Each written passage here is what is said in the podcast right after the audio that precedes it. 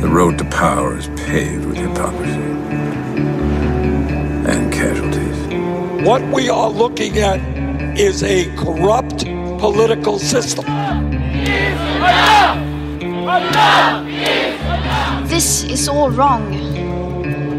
I shouldn't be up here. I say to the leader of the opposition, I will not be lectured about sexism and misogyny by this man. And yes, together we will make America great again. Crowd are people who believe in some conspiracy theories that are so broad and often bizarre, it's difficult to believe, to put it mildly. The Pentagon declassifying three videos of what they're calling unexplained aerial phenomena. To go and to get off your couch and to do something about it. Skratka, gospod Janša, jezo, ki ste si jo nakopali, za njo ste res sami krivi. Gre za to, da je nujno, da vlada odstopi čim prej. Kampanja X, Y.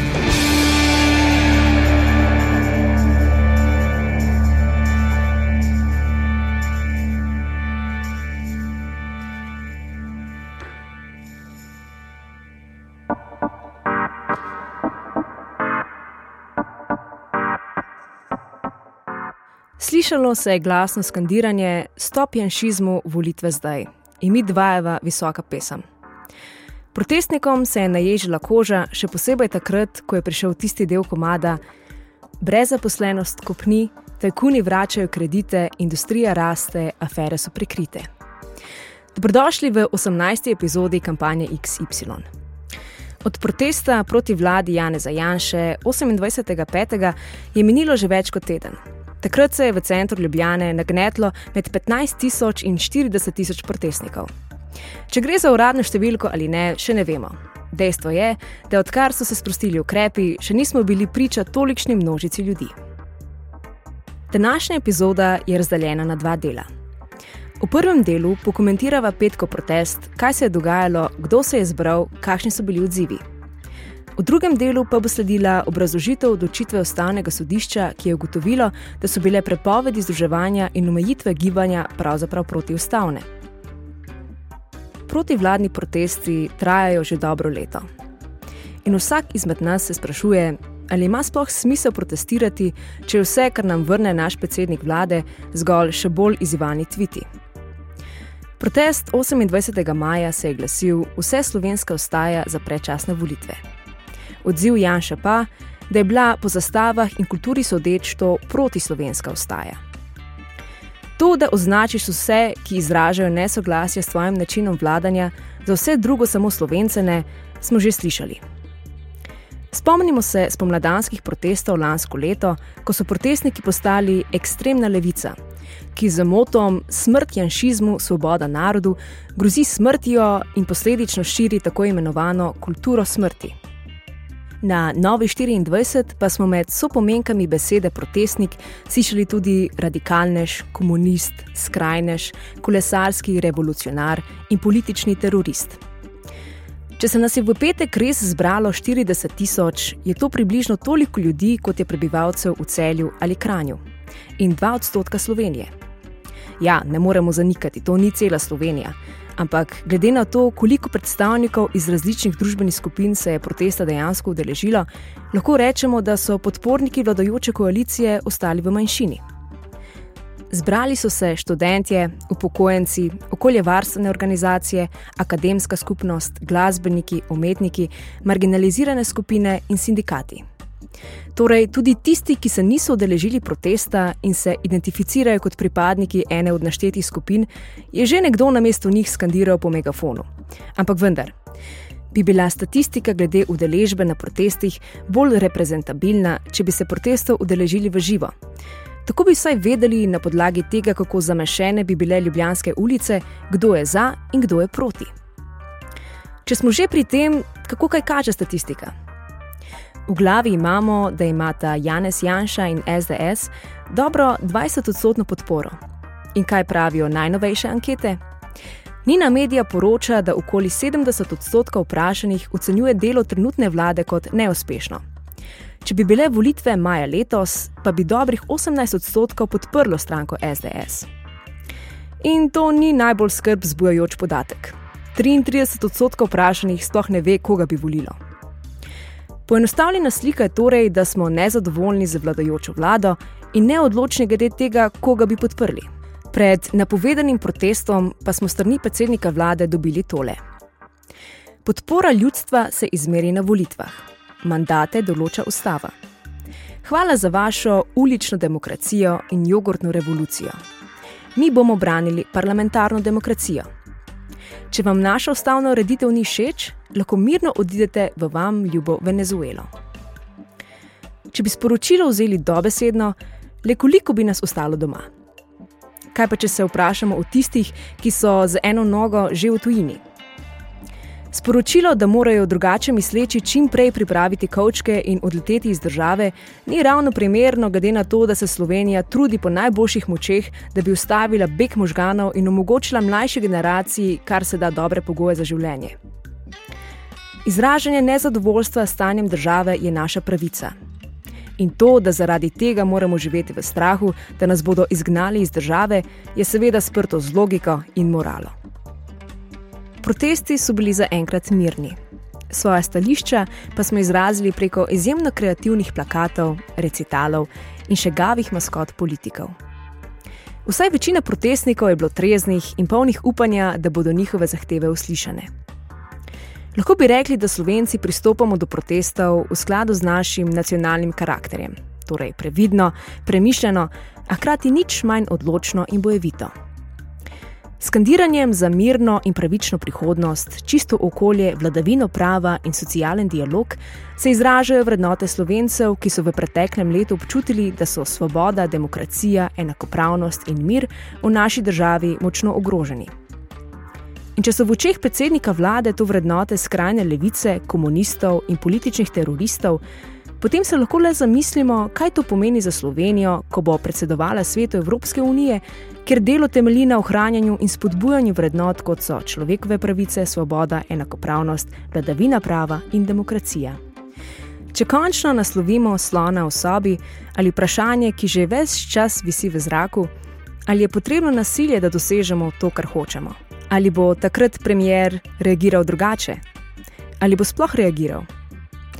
Provociranje kančka vročekrvnosti, ki ga nosimo slovenke in slovenci, zato da bomo priča spopadom med policisti in civilisti, ni vredno. Noben si tega ne želi videti, mar ne? Na petkovem protestu so prvič izvajali tako imenovan monitoring Amnesty International Slovenija in pravna mreža za varstvo demokracije, ki sta nadzirala aktivnost policistov in rabo prisilnih sredstev. Zdi se, da se nekje v zadju res pripravljamo na to, da nam kmalo na protestih ne bo več do recitiranja in petja pesmi. Večje so politične provokacije z ene strani, več je nestrpnosti in nezadovoljstva na drugi strani. Bolj se poglablja vrzel med političnima poloma, bolj izgubljamo občutek, da smo dvomilijonski narod, ki, bodimo iskreni, ugotavlja, da si na eni točki delimo skupne poznanstva, na kar si rečemo, kako majhen je svet čemu sledi odgovor: ne, le Slovenija je majhna. It's for my people, yeah. Free all my people, yeah. All my people, yeah. This for my people, yeah. Free all my people, yeah. Free all my people, yeah. We don't wanna chat until my people free. We don't wanna chat until my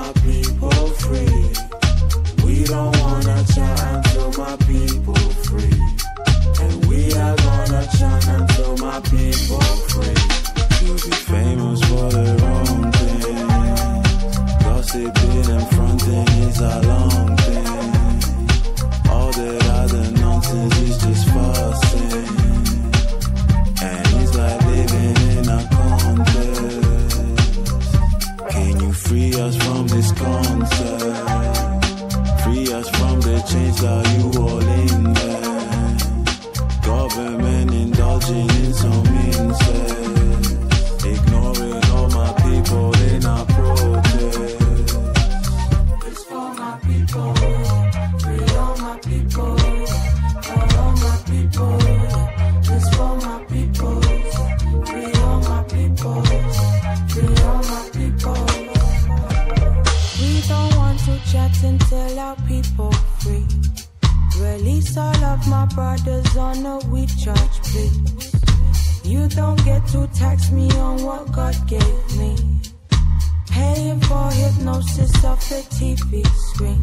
No.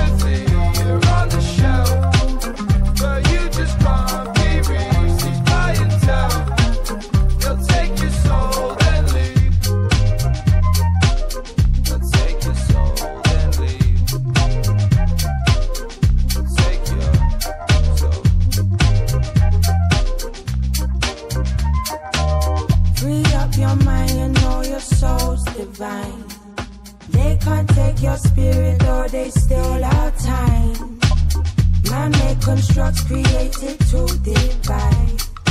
You can't hold us down with systems you can try, but no. No. We don't wanna chat until my people free. We don't wanna chat until my people free. We don't wanna chat until my people free. And we are gonna chat until my people free.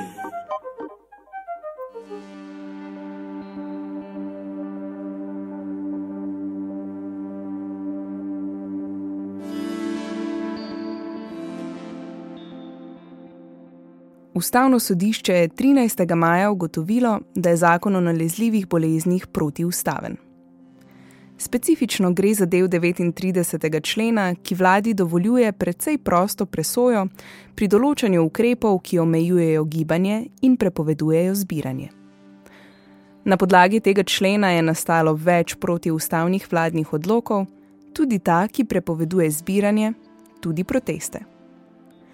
Zakaj so sodniki ugotovili, da se to ne sklada z ustavo? Gre za obnovitev znanja o tem, kaj lahko določa odlog in kaj zakon, in širše, kaj so naloge zakonodajne in kaj izvršilne veje oblasti. Od začetka karantene smo ob takih in drugačnih omejitvah slišali uporabljeno besedno zvezo kršenje človekovih pravic. Človekovih pravic in temeljnih svoboščin se seveda nikakor ne sme kršiti, sploh ustavno zagotovljenih, kot sta pravica do zbiranja in gibanja. Lahko pa se jih v nekih izrednih situacijah omeji. Epidemija virusa je izredna situacija. Da bi zaščitili pravico do zdravja, je v primeru epidemije dovoljeno omejiti kakšno drugo pravico. A omejiti pravico ni nekaj, kar se naredi z levo roko. Obvezno je pregledati, ali je omejitev pravice res nujna. To pomeni, da prej preverimo, če je cilj možno doseči s katerokoli drugo možnostjo. Treba je tudi oceniti, če bo omejitev pravice sploh dosegla učinek, ki ga želimo. Na koncu pa moramo presoditi in tehtati, ali z omejitvijo ene pravice v prid druge, na koncu povzročimo več dobrega ali več slabega. Ali plusi presegajo minuse. Vsa ta presoja je izredno pomembna. Zato je prav tako pomembno, da tako odločitev sprejme pomemben organ.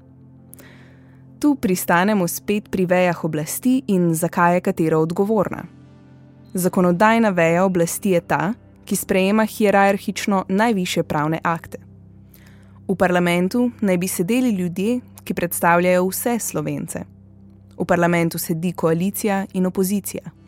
Pri sprejemanju zakonov se upravlja večplastna razprava, postopek je bolj zapleten, saj se pač ureja pomembne stvari. In malo stvari je tako pomembnih kot človekove pravice. Vse je v svetu prava. Zato splošno velja, da človekove pravice lahko omeji samo zakon. Vlada lahko z odloki to, kar je določeno v zakonu, zgolj konkretizira. In končno smo pri glavnem problemu, ob katerega je trčila vlada. Ustavno sodišče je navodilo spornega 39. člena označila za vsebinsko praznega. Vladi prepušča skoraj povsem prosto presojo pri omejevanju tako pomembnih pravic, kot sta prosto gibanje in združevanje. V zakonu vladi niso podana navodila, ki bi jih vlada konkretizirala, ampak je prepuščeno, da presodi kar sama, čeprav za to absolutno ni pristojna. Nekako tako, kot če bi na pomembni operaciji z več kirurgi nek del operacije prepustili kar medicinski sestri. Kirurgi in medicinske sestre so pomemben del zdravstvenega sistema, a nam je jasno, zakaj počnejo različne stvari. Pri zakonodajni in izvršilni veji oblasti pa se ta meja med pristojnostmi zadnje čase zdi rahlo zabrisana. Ustavni sodniki so povdarili več stvari, ki v zakonu manjkajo, da bi vlada lahko omejevala gibanje in zbiranje v času epidemije. Manjkajo navodila o tem, kje, kako in kakšne ukrepe sme vlada sprejeti. Manjka tudi, kako dolgo lahko ukrepi trajajo in kdaj je treba omejitev ponovno utemeljiti. Ustavno sodišče je posebej poudarilo, da bi se ob tako velikih posegih v posameznikovo življenje vlada bila dolžna posvetovati s strokovnjaki, ne pa prosto presojati. Domnevna kmečka pamet ministra nikakor ne more biti razlog za policijsko uro ali prepoved protestiranja. Zanimivo je tudi to, da so ustavni sodniki omenili tudi dolžnost vlade, da ob takih ukrepih ustrezno obvešča javnost. Kar se nekako ne sklada z dosedanjim odnosom vlade, ki je na vprašanje zakaj odgovarjala, ker smo mi tako rekli. Zaključek? Vlada ne sme presojati kar kakor se ji zdi, ampak lahko odločbe sprejema zgolj na podlagi zakona, ki vsebuje vsa navodila in okvirje, ki smo jih prej našteli. Trenutno takega zakona ni. Ustavni sodniki so na koncu odločili, da se zakon razveljavi, državni zbor pa ima dva meseca časa, da svoj kiks popravi potem pa lahko kikse začne popravljati tudi vlada. Razveljavitev je odločitev, ki velja za naprej. To pomeni, da je zelo prijazna do tistih, ki so pravno napako storili, se jo lahko popravijo in se ne ozirajo nazaj. Hkrati pa je nepošteno do tistih, ki so bili oglobljeni in kazen tudi plačali. Odločitev vpliva zgolj na postopke, ki še trajajo. Malo nas lahko zbode ideja, da imajo ljudje, ki so dobili kazen na podlagi neustavnega odloka, dve možnosti. Ali poznajo pravo bolje kot vlada in parlament in ugotovijo, da gre za protiustaven odlog, ter se pritožijo, ali pa plačajo kazen. Kaj mislite, da se je zgodilo v skoraj vseh primerih? Vlada je za napako krivila parlament leta 1995, ko je bil zakon sprejet krivila ustavno sodišče, krivila vse razen sebe. Moje kontroverzno mnenje pa je, da so ministri, ki sestavljajo vlado, tisti, ki bi morali najbolje poznati svoje pristojnosti. Oni bi morali vedeti, da omejevanje človekovih pravic ni hec. Ni stvar, ki lahko en dan zraste na zelniku na ključnega ministra in naslednji dan kroji življenja slovencev. Vlada že celotno epidemijo vsako pravno praznino napolni z lastno presojo, zacementirano v svojem ideološkem svetu pravlic. Ministri z Janezom na čelu pa so se celo odločili, da jim odločitev ni treba utemeljiti in predstaviti širši javnosti. Moja pobožna želja je, da bi možje in žene na vladi prebrali odločbo ustavnega sodišča in na njeni podlagi izvedli malo samorefleksije. Ne glede na to, ali se to zgodi ali ne, pa je pomembna ena stvar. Prav smo imeli tisti, ki smo trdili, da gospod Janez ne more prepovedati protestov, ker se mu tako zdi in ker mu grejo na živce. Še se lahko legalno zbiramo, protestiramo in izražamo mnenje, in nobena ministerska kmečka pamet nam tega ne more oduzeti. Če tudi ti ne maraš politike, ampak ti je mar za svet, v katerem živiš, zato bi se rad o njej naučil kaj več, te vljudno vabim, da se nam pridružiš tudi prihodnjič. Do takrat pa lahko svoje mnenja, ideje, vprašanja deliš z nami, tako da jih pošleš na nekaj imam zapovedati, afnagmal.com.